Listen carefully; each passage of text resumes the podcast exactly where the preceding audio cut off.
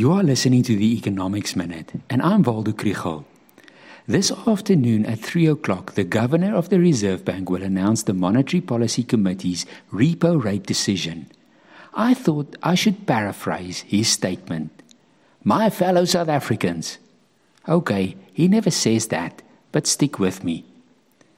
Dear South Africans, if we look at the data of the past two months, things have not gone too badly with the economy.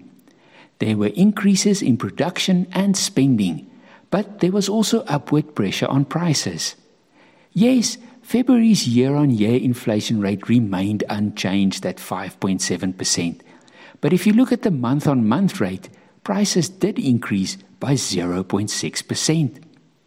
Unfortunately, most of the positive indicators were collected before Russia invaded the Ukraine. That war will increase food and fuel prices further. We realize that this is cost push inflation and certainly not the result of excess demand in South Africa or of the economy growing too fast. But we cannot do nothing.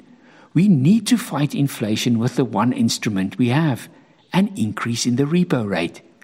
Even if it doesn't change a war or the working of global value chains we also realize that it will dampen consumer spending and investment a bit. But we hope that a few small increases this year will temper inflation expectations without pushing the economy into recession. Regards and good luck, Lesetja.